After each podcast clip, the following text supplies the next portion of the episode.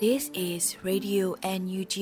the voice of National Unity Government of Myanmar, broadcasting for Myanmar Spring Revolution. Radio NUG is transmitting from shortwave 16 meter 17.79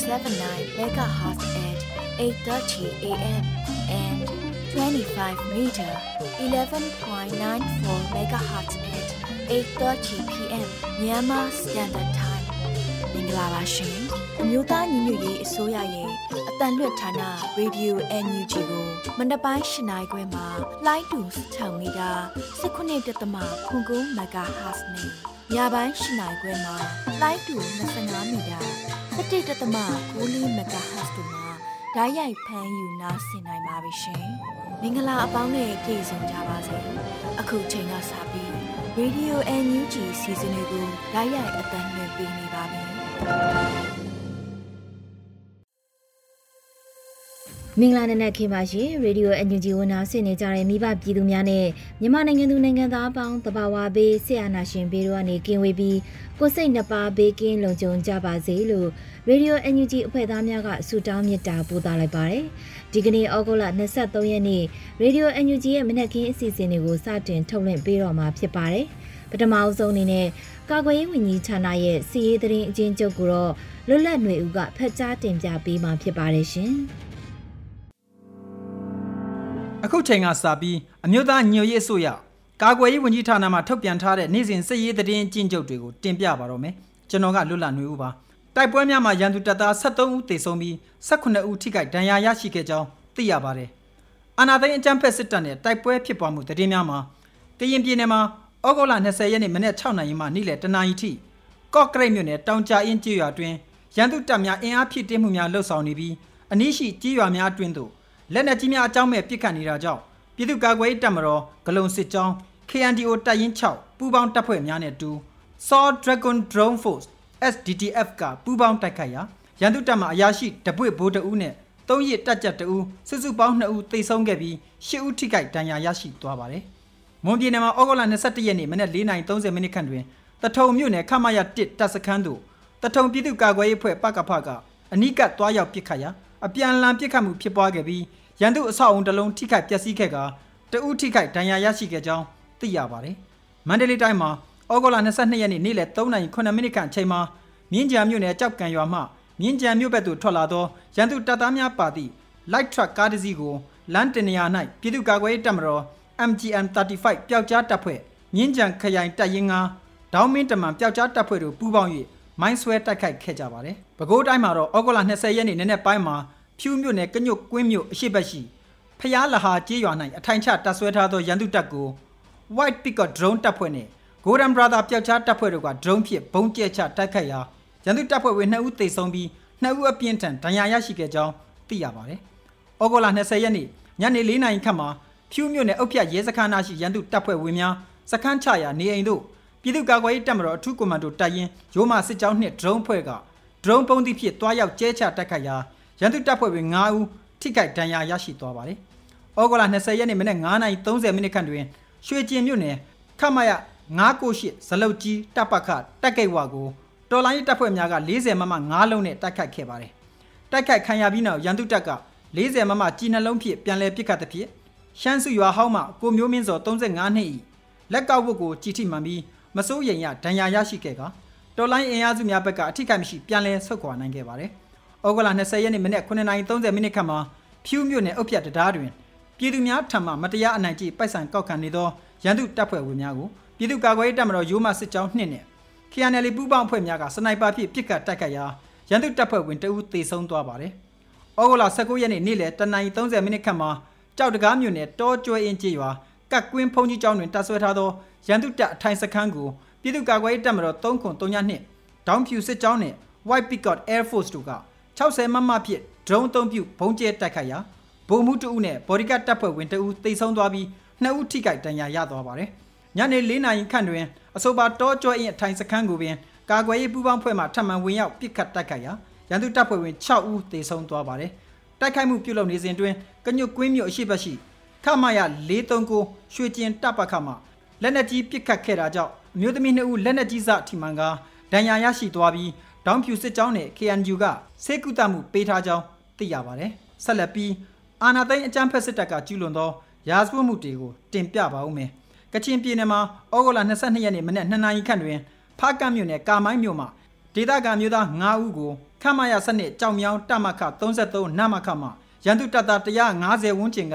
ဆိုင်းဖရာတဒါညီနောင် ပြားအုံနဲ့ခွန်ဆိုင်စွတ်ကြေးရွာများသို့တက်ချနေထိုင်ချီတက်ရာတွင် လူသားအတိုင်းဖြစ်ထပ်မံခေါ်ဆောင်သွားခဲ့ကြောင်းသိရပါတယ်ခင်ဗျာ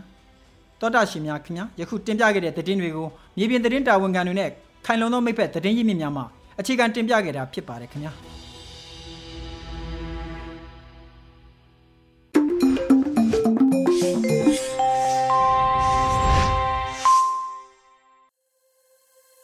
ရေဒီယိုအန်ယူဂျီမှဆက်လက်အသံလွှင့်ပေးနေပါတယ်။အခုဒီကမှာတော့ရေဒီယိုအန်ယူဂျီရဲ့နောက်ဆုံးရပြည်တွင်းသတင်းများကိုမျိုးဦးမိုင်မှဖတ်ကြားတင်ပြပေးတော့မှာဖြစ်ပါတယ်ရှင်။မင်္ဂလာပါရှင်။အခုချိန်ကစပြီး Radio UNG ရဲ့2023ခုနှစ်ဩဂတ်လ23ရက်နေ့မနက်ခင်းပြည်တွင်သတင်းများကိုဖတ်ကြားပေးပါတော့မယ်။ကျွန်မຫນွေဦးမိုင်ပါ။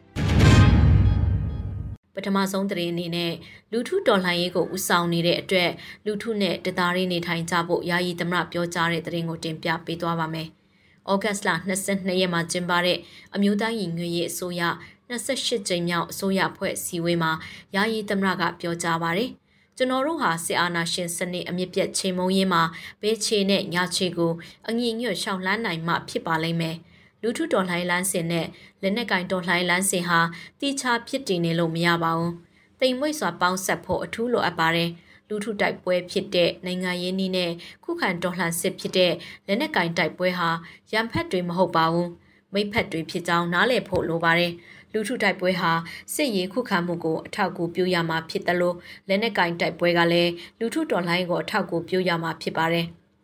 လူထုတော်လှန်ရေးကိုဦးဆောင်နေတဲ့အတွက်လူထုနဲ့တသားရင်းနေထိုင်ကြဖို့နဲ့လူထုကိုဦးဆောင်ရမှာဖြောင့်ဖြောင့်မတ်မတ်ရှိကြဖို့လိုတယ်လို့ဆိုပါတယ်။ဒါအပြင်လူထုထောက်ခံမှုကိုအစီအမြဲရနိုင်ဖို့အတွက်အလုံးနဲ့တက်တည်ပြကြဖို့ယာယီသမရကပြောပါရရှင်။ ဆက်လက်ပြီးစစ်ကောင်စီလက်အောက်မှာဆက်လက်တာဝန်မထမ်းဆောင်လို့တော့လို့ထွက်ပြေးလာကြတဲ့တက်မတော်သားတွေဧပြီလကနေဇူလိုင်လအထိလေးလအတွင်းဒူရဲမှုအစဉ်ဗိုလ်မှူးတအူအပါဝင်900နီးပါးရှိတဲ့တင်ကိုတင်ပြပါမယ်။ဩဂတ်လ22ရက်အမျိုးသားညီညွတ်ရေးအစိုးရ၏အစိုးရအဖွဲ့အစည်းအဝေးအမှတ်စဉ်28မြင်းဆောင်2023တွင်ပြည်ထောင်စုဝန်ကြီးချုပ်မန်ဝင်းခိုင်တန်းကအခုလိုပြောပါရယ် ဘက်ပေါင်းစုံကပြိုလဲနေတဲ့စစ်ကောင်စီကတော့အခုဆိုရင်နန်းစီတဲ့ဝန်ထမ်းတွေအားလုံးကိုစစ်တပ်ရဲ့အရန်အင်အားဖြင့်တက်ရင်အသွင်ဖွဲ့စည်းတာဝန်ပေးဖို့ညွှန်ကြားရသည့်အထိပြိုလဲနေပြီဖြစ်ပါတယ်။အကြမ်းဖက်စစ်ကောင်စီလက်အောက်မှာဆက်လက်တာဝန်မထမ်းဆောင်လို့တော့လို့ထွက်ပြေးလာကြတဲ့တက်မတော်သားတွေလည်း ဩဂတ်တလထဲမှာကို90ကျော်ရှိပြီးဧပြီလကနေဇူလိုင်လအထိ၄လအတွင်းမှာဆိုရင်စည်ရင်အရာဒူရင်မှုအစဉ်ဘုံမှုတအူအပါဝင်ခတ်မှန်900နီးပါးရှိရလို့သိရပါတယ်။ဒါဟာကျွန်တော်တို့ကိုချိတ်ဆက်လာတဲ့အရေးအတွက်ပဲဖြစ်ပြီးမချိတ်လာကြသေးတာလည်းရှိနေနိုင်တာဖြစ်ပါတယ်လို့ဆိုပါတယ်။ဒါအပြင်ဗန္နာရေးတိုက်ပွဲမှာအရှိန်ပြင်းပြင်းနဲ့စစ်ကောင်စီကိုအလဲထိုးနိုင်ဖို့ဘက်စုံကြိုးပမ်းနေကြတာဟာလဲအားရစရာအလွန်ကောင်းတယ်လို့ဝန်ကြီးချုပ်ကဆိုပါတယ်ရှင် လက်နက်ကင်တိုက်ပွဲနဲ့လူထုတိုက်ပွဲကိုမဟာဗျူဟာမြောက်ပေါင်းဆက်ပုံဖော်ဆင်နွှဲနိုင်ရင်စီမံချက်အစိုးရကက်ဘိနက်တွင်တင်ပြတဲ့သတင်းကိုဆက်လက်တင်ပြပါမယ်။လက်နက်ကင်တိုက်ပွဲနဲ့လူထုတိုက်ပွဲကိုမဟာဗျူဟာမြောက်ပေါင်းဆက်ပုံဖော်ဆင်နွှဲနိုင်ရင်စီမံချက်ကိုဩဂတ်လ22ရက်မှာကျင်းပတဲ့အမျိုးသားညီညွတ်ရေးအစိုးရအဖွဲ့အစည်းအဝေးမှာတင်ပြခဲ့လို့သိရပါတယ်။ အစည်းအဝေးမှာလူသားချင်းစာနာထောက်ထားရေးနဲ့ဘေးနယ်ဆိုင်ရာစီမံခန့်ခွဲဝင်ကြီးဌာနပြည်တော်စုဝင်ကြီးဒေါက်တာဝင်းမြတ်အေးကလူသားချင်းစာနာကူညီရေးနဲ့ဘေးအနေတုံ့ပြန်ရေးကော်မရှင်မှ ဝင်ကြီးဌာနများထပ်မံဖြည့်ဆွက်ဖွဲ့စည်းအတည်ပြုနိုင်ရေးနဲ့ Emergency Operation Coordination Committee EOCC structure အတည်ပြုနိုင်ရေးတင်ပြကအလို့သမားဝင်ကြီးဌာနဒုတိယဝင်ကြီးဦးကျော်နီကတပိတ်အင်အားစုကိုစားလက်နက်ကင်တိုက်ပွဲနဲ့လူထုတိုက်ပွဲကိုမဟာဗျူဟာမြောက်ပေါင်းဆက်ပုံဖော်ဆင်နွှဲနိုင်ရေးစီမံချက်တင်ပြရာဆွေးနွေးမှုတွေပြုလုပ်ခဲ့ကြတယ်လို့သိရပါတယ်။ အမျိုးသားညီညွတ်ရေးအစိုးရရဲ့28ကြိမ်မြောက်အစိုးရအဖွဲ့အစည်းအဝေးကိုယာယီသမရဒူဝါလက်ရှိလာပြည်တော်စုဝင်ကြီးချုပ်မောင်ဝင်းခိုင်တန်းတို့အပါအဝင်ပြည်တော်စုဝင်ကြီးတွေဒုဝန်ကြီးတွေတက်ရောက်ခဲ့ကြပါတယ်ရှင်။ကရင်နီတော်လှန်ရေးအင်အားစုများစစ်ကောင်စီရဲ့တင်ကားရရှိမှုပေါ် NUG ကစုချင်းငွေချင်းမြင့်ဖို့အဆင်သင့်ရှိနေပြီလို့ဆိုတဲ့သတင်းကိုဆက်လက်တင်ပြပါမယ်။ ကရင်နီတော်လှန်ရေးအင်အားစုများစစ်ကောင်စီရဲ့တင်ကားရရှိမှုအပေါ် NUG ကစုချင်းငွေချင်းမြင့်ဖို့အဆင်သင့်ရှိနေပြီလို့ပြည်တော်စုဝင်ကြီးဦးတင်ထွန်းနိုင်ကအသိပေးဆိုပါရယ်။ဩဂတ်စ်လအတွင်းကျင်းပတဲ့ຫນွေဦးတော်လှန်ရေးစကားဝိုင်းမှာကရင်နီဖက်မှတင်ကားများထပ်မံရရှိမှုအပေါ်ဦးမင်းကိုနိုင်ကပြောကြားရမှာပြည်တော်စုဝင်ကြီးဦးတင်ထွန်းနိုင်က စုချင်းမြင့်နိုင်မှုအနေအထားကိုပြောပြခဲ့ပါတယ်။ကျွန်တော်တို့ပေးမှာပါပေးဖို့လည်းအလုံးလောက်ရှိတယ်။ရှေ့မှာလည်းချင်းပြည်နယ်ကတင့်ကားနှစ်စီးဖြစ်စည်းနိုင်တဲ့အတွက်ဆိုပြီးပေးခဲ့ပါတယ်။စုငွေအတွက်နဲ့ကတော့အနေမခက်နဲ့လို့ပြောချင်ပါတယ်။စုချင်းမြင့်မှုကတော့ကျွန်တော်တို့ဘက်ကတာဝန်ယူပါတယ်။ပတ်စံလည်းရှိပါတယ်လို့ဝန်ကြီးကဆိုပါတယ်။ ချင်းပြည်နယ်ဟာခါမြို့နယ်ချွန်ကျုံကျေးရွာနီတိုက်ပွဲ၌အကြမ်းဖက်စစ်တပ်၏တန်ချက်ကကားနှစ်စီးကိုချင်းပြည်နယ်တော်လှန်ရေးအင်အားစုများကဖျက်ဆီးနိုင်ခဲ့ပြီးတစ်တင်နဲ့တကွတင်ပြအကြောင်းကြား၍အမျိုးသားညီညွတ်ရေးအစိုးရကဝေချက်3400ချီးမြှင့်ခဲ့ပါသေးတယ်ရှင်ဆလပီဂျာကာလာဒီတန္တရပြည်သူ့ချုပ်ရေးဖော်ဆောင်မှုဘဟုကော်မတီနဲ့ရန်ကုန်တိုင်းမြို့နယ်ပြည်သူ့ချုပ်ရေးဖွဲ့များတွဲဆုံဆွေးနွေးပွဲပြည်ထောင်စုဝန်ကြီးဒေါက်တာဝင်းမြောက်အေးတက်ရောက်တဲ့တရင်ကိုတင်ပြပါမယ်။ အမျိုးသားညီညွတ်ရေးအစိုးရဂျာကာလဒေသန္တရပြည်သူ့ချုပ်ရေးဖော်ဆောင်မှုဗဟိုကော်မတီနဲ့ရန်ကုန်တိုင်းမှမြို့နယ်ပြည်သူ့အုပ်ချုပ်ရေးဖွဲ့များတွိတ်ဆုံဆွေးနွေးပွဲအစည်းအဝေး16မြင်းဆောင်2023ကိုဩဂတ်လ22ရက်မှာကျင်းပခဲ့ပါတယ်။ အစည်းအဝေးမှာဂျာကာလာဒေသန္တရပြည်သူ့ချုပ်ရေးဖော်ဆောင်မှုဗဟိုကော်မတီအဖွဲ့ဝင်လူသားချင်းစာနာထောက်ထားရေးနဲ့ဘေးနယ်ဆိုင်ရာစီမံခန့်ခွဲဝင်ကြီးဌာနပြည်တော်စုဝင်ကြီးဒေါက်တာဝင်းမြတ်အေးမှအဖွဲ့မှစကားပြောကြားခဲ့ပြီးတက်ရောက်လာကြသောမြို့နယ်ပြည်သူ့အုပ်ချုပ်ရေးအဖွဲ့ဝင်များမှမူဝါဒလိုင်းညွှန်ချက်များလုပ်ငန်းဆောင်ရွက်ချက်များမြေပြင်အခက်အခဲများနဲ့ပတ်သက်၍သိရှိလိုသည့်များကိုမေးမြန်းဆွေးနွေးခဲ့ကြကာဝင်ကြီးဌာန၏တာဝန်ရှိသူအသီးသီးမှပြန်လည်ဖြေကြားခဲ့ပါသည် အဆိုပါတွေ့ဆုံပွဲသို့ပြည်အောင်စုဝင်ကြီးများဒုတိယဝင်ကြီးများအမြဲတမ်းအတွင်းဝင်များတွဲဖက်အမြဲတမ်းအတွင်းဝင်များဌာနဆိုင်ရာများမှတာဝန်ရှိသူများနဲ့ရန်ကုန်တိုင်းမှမြို့နယ်ပြည်သူ့အုပ်ချုပ်ရေးအဖွဲ့ဝင်များတက်ရောက်ခဲ့ကြရလို့သတင်းရရှိပါရရှင်မလုံမရှုံမပြုတ်ဆိုတာအာနာရှင်ခက်ရဲ့နောက်လိုက်ကောင်းတွေဖြစ်တယ်လို့ပြည်တော်စုဝင်ကြီးဒေါက်တာတူးခေါင်ဆိုလိုက်တဲ့သတင်းကိုဆက်လက်တင်ပြပေးသွားပါမယ်။ မလုံးမရှုပ်မပြုတ်ဆိုတာအာနာရှင်ခက်ရဲ့နောက်လိုက်ကောင်းတွေဖြစ်တယ်လို့ပြည်တော်စုဝင်ကြီးဒေါက်တာတူးခေါင်ကဆိုပါတယ်ပြဿနာရှိရဲဆိုတာလူလောကရဲ့တဘာဝပါလူဆိုတာရှိရင်ပြဿနာရှိရဲအဲ့ဒါကြောင့်ပဲပြဿနာများကိုဖြေရှင်းဖို့အခြေခံဥပဒေတွေရာဇဝတ်မှုဆိုင်ရာကျင့်ထုံးဥပဒေတွေထုံးနှန်းစင်လာရလိုက်နာဆောင်ရွက်ကြတဲ့ကျင့်ထုံးဥပဒေတွေနေဥပဒေတွေထုတ်ထားပြီးအဲ့ဒီဥပဒေတွေကိုဥပဒေတိုင်းထိန်းကျောင်းမဲ့ရန်တရားတွေတိစောက်ကြတာကို အဲ့ဒီရန်တရားအားလုံးကိုခြုံပြီးအစိုးရရေးလို့ခေါ်ကြပါတယ်ပြဿနာတိုင်းကိုစိန်ခေါ်မှုလို့မြင်တယ်ပြဿနာတစ်ခုဖြေရှင်းပြီးတိုင်းကျွန်တော်တို့ပိုပြည့်စုံလာတယ်စိတ်ပစ္စည်းမဟုတ်ပြဿနာတွေကြောင့်ရင့်ကျက်လာတာပါအလုတ်လုတ်တဲ့လူတိုင်းမှာပြဿနာရှိတယ်မလုံမရှုံမပြုတ်ဆိုတာအာနာရှင်ခဲရဲ့နောက်လိုက်ကောင်းတွေပဲလို့ဝန်ကြီးကဆိုပါတယ်လက်ရှိမှာစစ်ကောင်စီဟာ၎င်းခံအပ်ထားသောဝန်ထမ်းများကိုရာထူးမှဖြုတ်ခြင်းနေရာပြောင်းရွှေ့ခြင်းတို့ဆက်တိုက်လှုံ့ဆော်နေပါတယ်ရှင် နှွေဦးဖွံ့ဖြိုးရေးဘာတွေစရင်ဖွင့်လှစ်ပြီးလိုဒလောက် USD ဝယ်ယူရဲ့လုံခြုံစိတ်ချစွာတင်စီထားပြီးဆန္ဒရှိတဲ့အချိန်မှာလွဲကူစွာပြင်လည်ရောင်းချနိုင်တဲ့သတင်းကိုနောက်ထပ်တင်ပြပေးသွားပါမယ်။နှွေဦးဖွံ့ဖြိုးရေးဘာတွေစရင်ဖွင့်လှစ်ပြီးလိုဒလောက် USD ဝယ်ယူရဲ့လုံခြုံစိတ်ချစွာတင်စီထားပြီးဆန္ဒရှိတဲ့အချိန်မှာလွဲကူစွာပြင်လည်ရောင်းချနိုင်တယ်လို့ဩဂတ်လ22ရက်မှာနှွေဦးဖွံ့ဖြိုးရေးဘဏ်ကအတည်ပြုကြေညာပါတယ်။ USD လက်ဝဲတင်ထားဖို့စိတ်မချရဘူးလား။ USD ကိုအလွယ်တကူဝယ်ယူဖို့နေရာမရှိဘူးဖြစ်နေသလား။နှွေဦးပန်တွေစင်းဖွင့်လှစ်ပြီးလိုတလောက် USD ဝယ်ယူရဲ့လုံခြုံစိတ်ချစွာတင်စီထားပြီးမိမိဆန္ဒရှိတဲ့အချိန်မှာနှွေကိုစွာပြန်လည်ရောင်းချနိုင်ပါတယ်။ MMK မှအခြားငွေကြေးများနဲ့ Gold Token ကိုလက်ညှိုးတစ်ထောက်ဖြင့် Real Time Exchange အတိုင်းလဲလှယ်နိုင်ပါတယ်လို့ဆိုပါတယ်။ လက်ရှိမှာຫນွေဥဖွံ့ဖြိုးရေးဘဏ်ဟာအမေရိကန်ဒေါ်လာ၊ထိုင်းဘတ်ငွေ၊စင်ကာပူဒေါ်လာ၊မြန်မာကျပ်တို့ကိုတတ်မှတ်ပေးလျက်ဝန်ဆောင်မှုပေးနေပါတယ်ရှင်။ဆက်လက်ပြီးမြိုင်မြို့နယ်ထမ်ဘုံတော်ကျေးရွာကိုဝင်ရောက်တဲ့စစ်ကောင်စီတပ်စစ်ကြောင်းကနေအိမ်39လုံးကိုမိရှုဖျက်ဆီးခဲ့တဲ့တင်ကိုတင်ပြပါမယ်။မြိုင်မြို့နယ်ထမ်ဘုံတော်ကျေးရွာကိုဝင်ရောက်တဲ့စစ်ကောင်စီတပ်စစ်ကြောင်းက နေအိမ်39လုံးကိုမိရှုဖျက်ဆီးခဲ့လို့ဩဂတ်လ22ရက်မှာမြိုင် Village Revolution Front ကအတိပေးဆိုပါရယ်။ဩဂတ်လ21ရက်ကနီရွာမှာခန့်မှန်းအင်အား80နဲ့စစ်ကြောင်းသည်ထံပုံတော်ကျေးရွာသို့မနက်၈နာရီမိနစ်20ခန့်၌ဝင်ရောက်လာရာတွင် MVRF နဲ့မဟာမိတ်တပ်ပေါင်းစုမှကင်းတက်နဲ့ထိတွေ့ပစ်ခတ်မှုဖြစ်ပွားရာစစ်ကောင်စီဘက်က9ယောက်ဒဏ်ရာရ၍2ယောက်ကြာဆုံးခဲ့ပါတယ်။မနေ့9နာရီအချိန်တွင်ထံပုံတော်ကျေးရွာအား ဝင်းရောက်မှွေနှောက်၍စစ်ကောင်စီများကနေအိမ်များကိုမိရှုဖျက်ဆီးခဲ့ပါတယ်လို့ဆိုပါတယ်။ထို့နောက် MVRF နဲ့မဟာမိတ်တပ်ပေါင်းစုမှ drone နဲ့ပုံကျဲချ၍ဝင်ရောက်ရှင်းလင်းခဲ့ရာစစ်ကောင်စီများမှကဏီကျေးရွာဘက်သို့ပြန်ဆုတ်ခွာသွားခဲ့ပါတယ်။မဟာမိတ်တပ်ပေါင်းစုမှအထိခိုက်အကြဆုံးမရှိတော့လဲထံပုံတော်ကျေးရွာမှာနေအိမ်39လုံးကိုမိရှုဖျက်ဆီးသွား၍ငါးလုံးခန့်ပြာကျဆုံးရှုံးခဲ့ရလို့ဆိုပါတယ်ရှင်။ မကွေတိုင်းပေါ့မြူနယ်ရေပြကျေးရွာစစ်စေးရေးဂိတ်အားနောင်ရိုးစစ်စင်ရဲ့အဖြစ်အနီးကဝင်ရောက်တိုက်ခိုက်ခဲ့ရာရဲတအုပ်သိဆုံးပြီး G3 တနက်တလဲနဲ့ G3 များတင်စီရရှိတဲ့တဲ့ရင်ကိုနောက်ဆုံးတင်ပြပေးသွားပါမယ်။မကွေတိုင်းပေါ့မြူနယ်ရေပြကျေးရွာစစ်စေးရေးဂိတ်အားနောင်ရိုးစစ်စင်ရဲ့အဖြစ်အနီးကဝင်ရောက်တိုက်ခိုက်ခဲ့ရာရဲတအုပ်သိဆုံးပြီး G3 တနက်တလဲနဲ့ G3 များတင်စီရရှိခဲ့လို့မြိုင်ပကဖကအတီးပြုတ်ဆိုပါရယ်။ ဩဂတ်စ်လ22ရက်နေ့နေ့ပိုင်းမြိုင်ပကဖာနဲ့မဟာမိတ်ရဲဘော်များမှရေးပြချေးရွာစစ်စေးရေးကိအားနောင်ရိုးစစ်စင်ရဲ့အဖြစ်အနီးကဝင်ရောက်တိုက်ခိုက်ခဲ့ပါတယ်။တိုက်ခိုက်မှုဖြစ်စဉ်တွင်ရဲတအူသေဆုံးပြီး G3 တနက်တလက် G180 တောင်နဲ့ဖုန်းတလုံးစိုင်ကဲနှစ်စီးစစ်အုံဆောင်ပစ္စည်းများတင်စီရရှိခဲ့ပါတယ်။ကြန့်ရှိသည့် ရဲများထွက်ပြေးသွားသဖြင့်လိုက်လံရှာဖွေတော့လဲတိုက်ပွဲချိန်ကြောင့်ပြန်လည်ဆုတ်ခွာခဲ့တယ်လို့ဆိုပါတယ်။ရင်းတိုက်ခိုက်မှုအား ASDF ပေါက်တပ်ဖွဲ့မြိုင်ပကဖရင်းတစ်စိတ်ဆက်ရှစ် NPRF တပ်ဖွဲ့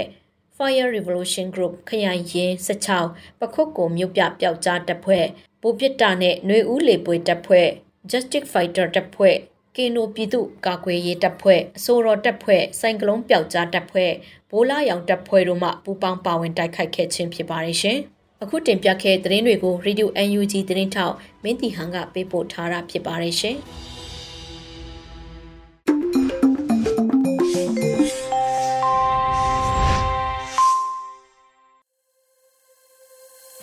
ရေဒီယိုအန်ဂျီမှဆက်လက်အတန်လွှင့်ပေးနေပါတယ်။အခုတခါမှာတော့ကဘာတိုင်းဆုံးမောင်စင်မုံရေးသားပြီး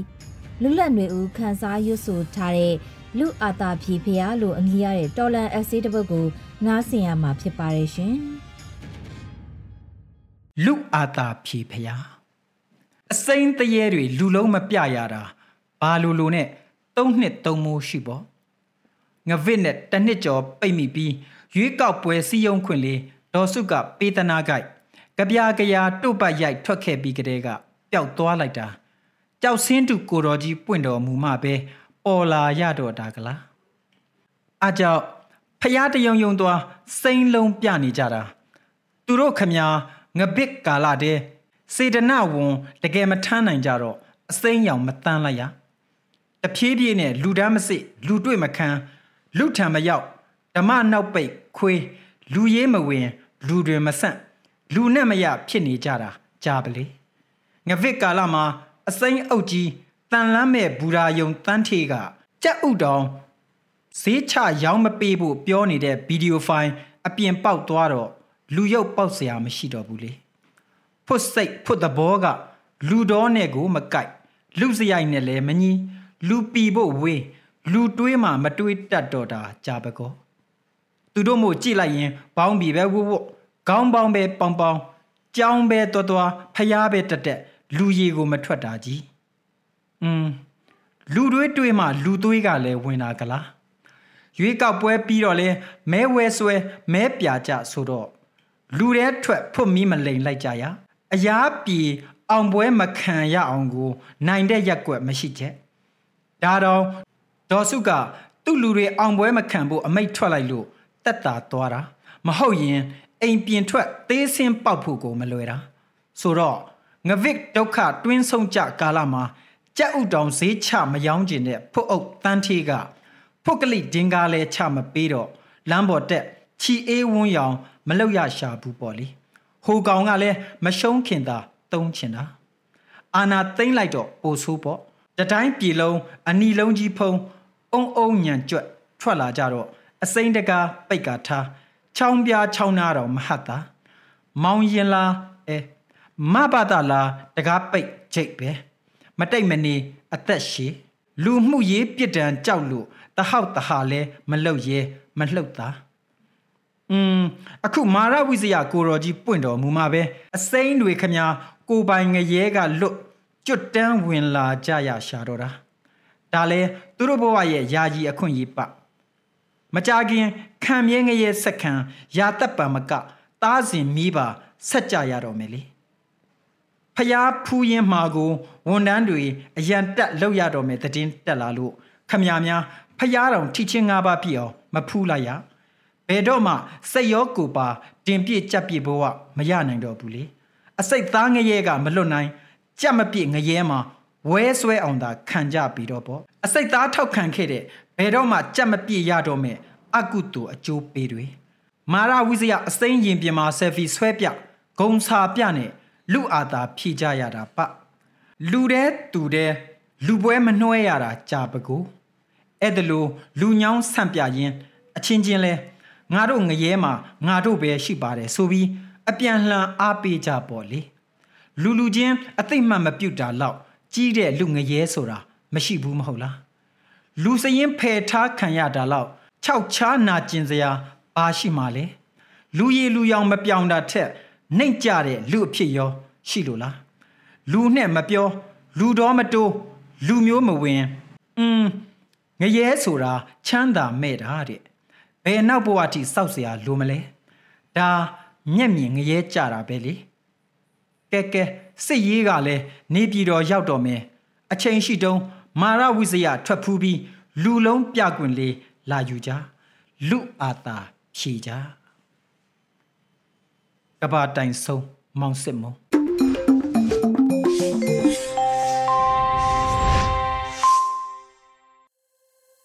ရေဒီယိုအန်ဂျီမှဆက်လက်တန်လွှင့်ပေးနေပါတယ်အခုတစ်ခါမှာတော့ PPTV ရဲ့နေ့စဉ်သတင်းများကိုထထအင်ဒရာအောင်မှဖတ်ကြားတင်ပြပေးတော့မှာဖြစ်ပါတယ်ရှင်အခုချိန်ကစပြီး PPTV သတင်းတွေကိုတင်ဆက်ပေးတော့မှာပါကျွန်မထထအင်ဒရာအောင်ပါ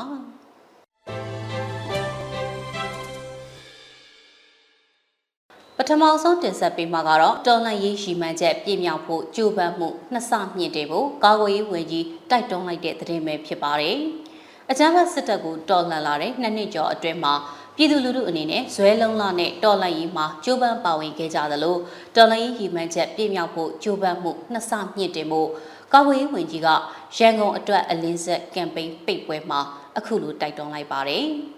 ရှေ့ဆက်ပြီးတော့ပန်းနာရီမှန်းချက်ကိုရောက်ရှိဖို့အတွက်ကျွန်တော်တို့ဇွဲလုံးလဝရိယကျွန်တော်တို့ဉာဏ်ပညာကျွန်တော်တို့ကြိုးပမ်းမှုကိုလည်းဒီကနေ့ကစပြီးတော့နှစ်ဆကျွန်တော်တို့ထပ်မံပြီးတော့ညှင့်တင်ကြဖို့တိုက်တွန်းလိုပါတယ်လို့ကာဝေးဝင်ကြီးကပြောပါတယ်ကာဝေးဝင်ကြီးဌာနနဲ့ ERO တွေမဟာဗျူဟာနောက်တစ်ဆင့်တက်ဖို့ညှိနှိုင်းပြင်ဆင်နေသလိုဒီမဟာဗျူဟာစီမံချက်မှာလည်းနေဆက်မှာသာမဟုတ်ဘဲနဲ့ရန်သူစိုးမိုးနယ်မြေတွေဖြစ်တဲ့မန္တလေးနေပြည်တော်ပဲခူးရန်ကုန် အေယာဝတီတိုင်းတွေကိုနက်နက်ရှိုင်းရှိုင်းထိုးဖောက်ဝင်ရောက်တိုက်ပွဲဝင်ဖို့ပြင်ဆင်နေတယ်လို့လည်းသိရပါဗျ။ရန်သူစုံမှုနယ်မြေထဲမှာအဓိကကြတာတစ်ခုကတော့ရန်ကုန်ပါပဲ။ရန်ကုန်နဲ့ပတ်သက်ပြီးတော့တော်လှန်ရေးအတွက်ဘလောက်မဟာဗျူဟာကြားတဲ့မြို့ပြကြီးတစ်ခုဖြစ်တယ်ဆိုတာကိုသိရှိပြီးဖြစ်တယ်။ရန်ကုန်နဲ့ပတ်သက်ရင်တော်လှန်ရေးအစမှာအဓိကအားဖြင့်မြို့ပြပျောက်ကြားလှုပ်ရှားမှုကိုအားပြုဆောင်ရွက်ခဲ့ကြတာဖြစ်တယ်။အခုချိန်မှာမြို့ပြပျောက်ကြားကနေတဆင့်တက်ပြီးတော့ PDF တရင်တပ်ဖွဲ့များအနေနဲ့တိုက်ပွဲဝင်နိုင်ဖို့ပြင်ဆင်နေကြပြီလို့ကာဝေးဝန်ကြီးဦးရီမွန်ကပြောပါတယ်။ဒါအပြင်ဒီချိန်မှာအရင်မြစ်တွေပြန့်ကျဲနေလို့မရတော့ပဲရန်မငွေအင်အားလက်နက်အင်အားလူအင်အားဒါတွေကိုဒုတစ်ခုဖြစ်အောင်တည်တည်ချာချာစုစည်းတိဆောက်ပြီးတော့အဆုံးသက်တိုက်ပွဲအဖြစ်ကြိုးပမ်းကြရတော့မယ့်အချိန်ရောက်ပြီလို့ဝန်ကြီးကပြောကြားလိုက်ပါတယ်။ရန်သူကအဖက်ဖက်ပြိုဆင်းနေပြီဆိုတာအင်မတန်သိတာတယ်။နိုင်ငံရေးမှာနိုင်ငံတကာအရေးမှာ စစ်ရေးမှာဗန္ဒာရေးမှာအတော်လေးချိနေသွားပြီဆိုတာကျွန်တော်တို့တွေ့တယ်။ရန်သူအားပြော့နေတဲ့ရန်သူအားယွန်နေတဲ့အချိန်မှာကျွန်တော်တို့ကအားကောင်းကောင်းနဲ့အားထည့်ပြီးတော့ဆက်ပြီးတော့ဖိအားပေးတိုက်ခိုက်ကြဖို့ဘလောက်အင်အားကောင်းအောင်တိဆောက်နိုင်လဲဆိုတာသိပြီးလျင်ဒီတော်လှန်ရေးအနည်းအမြန်ကိုအဆုံးပြတ်ပေးနိုင်လိမ့်မယ်လို့နားလေကြောင်းကာကွယ်ရေးဝန်ကြီးဦးရီမွန်ကပြောကြားသွားပါတယ်။ ဒီအချိန်ကမဟာဗျူဟာထိုးစစ်ဆင်မှုစီမံအကောင့်ထဲပေါ်နေချိန်ဖြစ်တယ်ဆိုတာကိုလည်းတနိုင်ငံလုံးကပြည်သူတွေကိုထပ်မံအသိပေးလိုတယ်လို့ဝန်ကြီးကဆိုထားပါတယ်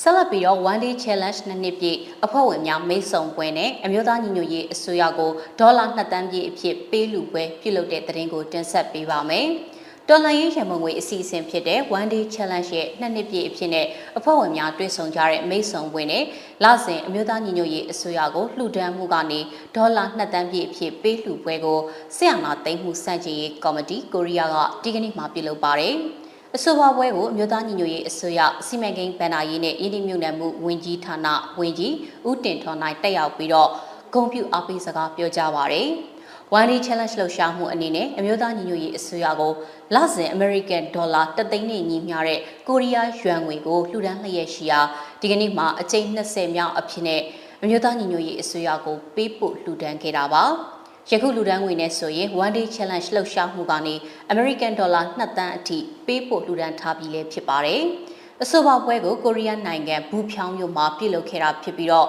One Day Challenge အဖွဲ့ဝင်တွေရဲ့စိတ်သက်ခိုင်မာမှုနဲ့ဇွဲလုံးလထက်သန်မှုသစ္စာမြဲမှုတို့ကိုကျေးဇူးတင်တဲ့အနေနဲ့ 2y2m Lucky Winner ရွေးချယ်ပွဲကိုပါပြုလုပ်ခဲ့ပါတယ်။ 2y2m Lucky Winner ရွေးချယ်ပွဲမှာຫນွေဦးစံရိတ်မော်ကွန်ဒိုတိုက်ခန်း၄ခန်းကိုမဘာဝင်များအားမဲဖောက်ရွေးချယ်ခဲ့ပြီးတော့မဘာဝင်ရဲ့သိရှိလူသားတွေကိုပြန်လည်ဆွေးနွေးဖြေကြားပေးခဲ့ပါတယ်။အမျိုးသားညီညွတ်ရေးအစိုးရက One Day Challenge ထောက်ပံ့ဝေအားအမျိုးသားညီညွတ်ရေးအစိုးရရဲ့ ဒေသန္တရအုပ်ချုပ်ရေးအကောင့်ထဲပေါ်ဆောင်ရွက်ရန်နဲ့နယ်မြေစုမှုရေးကိစ္စရများအတွက်သုံးဆွဲလျက်ရှိတယ်လို့လည်းထုတ်ပြန်အသိပေးထားပါတယ်။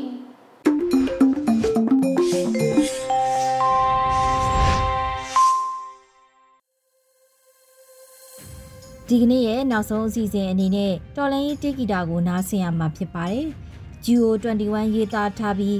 ဒေါင်းတီဆိုထားတဲ့အောင်ပွဲတေးလို့အမည်ရပါတယ်ရှင်။။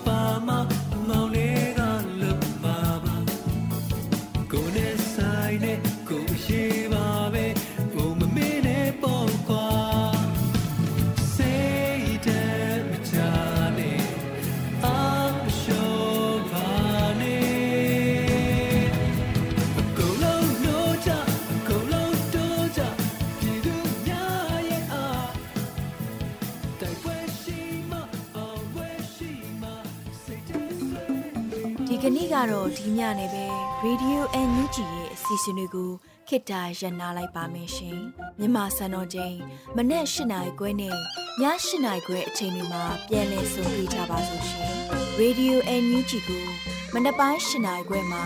လိုင်းတူ16မီတာ19.7ခုကူမဂါဟတ်နဲ့ညပိုင်း၈နိုင်ခွဲမှာလိုင်းတူ25မီတာ17.6မဂါဟတ်တို့မှာဓာတ်ရိုက်ဖမ်းယူနာဆင်နိုင်ပါပြီရှင်။ မြန်မာနိုင်ငံသူနိုင်ငံသားများကိုစိတ်နှဖျားစမ်းမချမ်းသာလို့ဘေးကင်းလုံခြုံကြပါစေလို့ Radio NUG ရဲ့ဖွဲ့သူဖွဲ့သားများကဆုတောင်းလိုက်ရပါတယ်။ San Francisco Bay Area အခြေစိုက်မြန်မာမိသားစုများနဲ့နိုင်ငံတကာကစေတနာရှင်များလိုအားပေးများရဲ့ Radio NUG ဖြစ်ပါတယ်ရှင်။အရေးတော်ပုံအောင်ရမည်။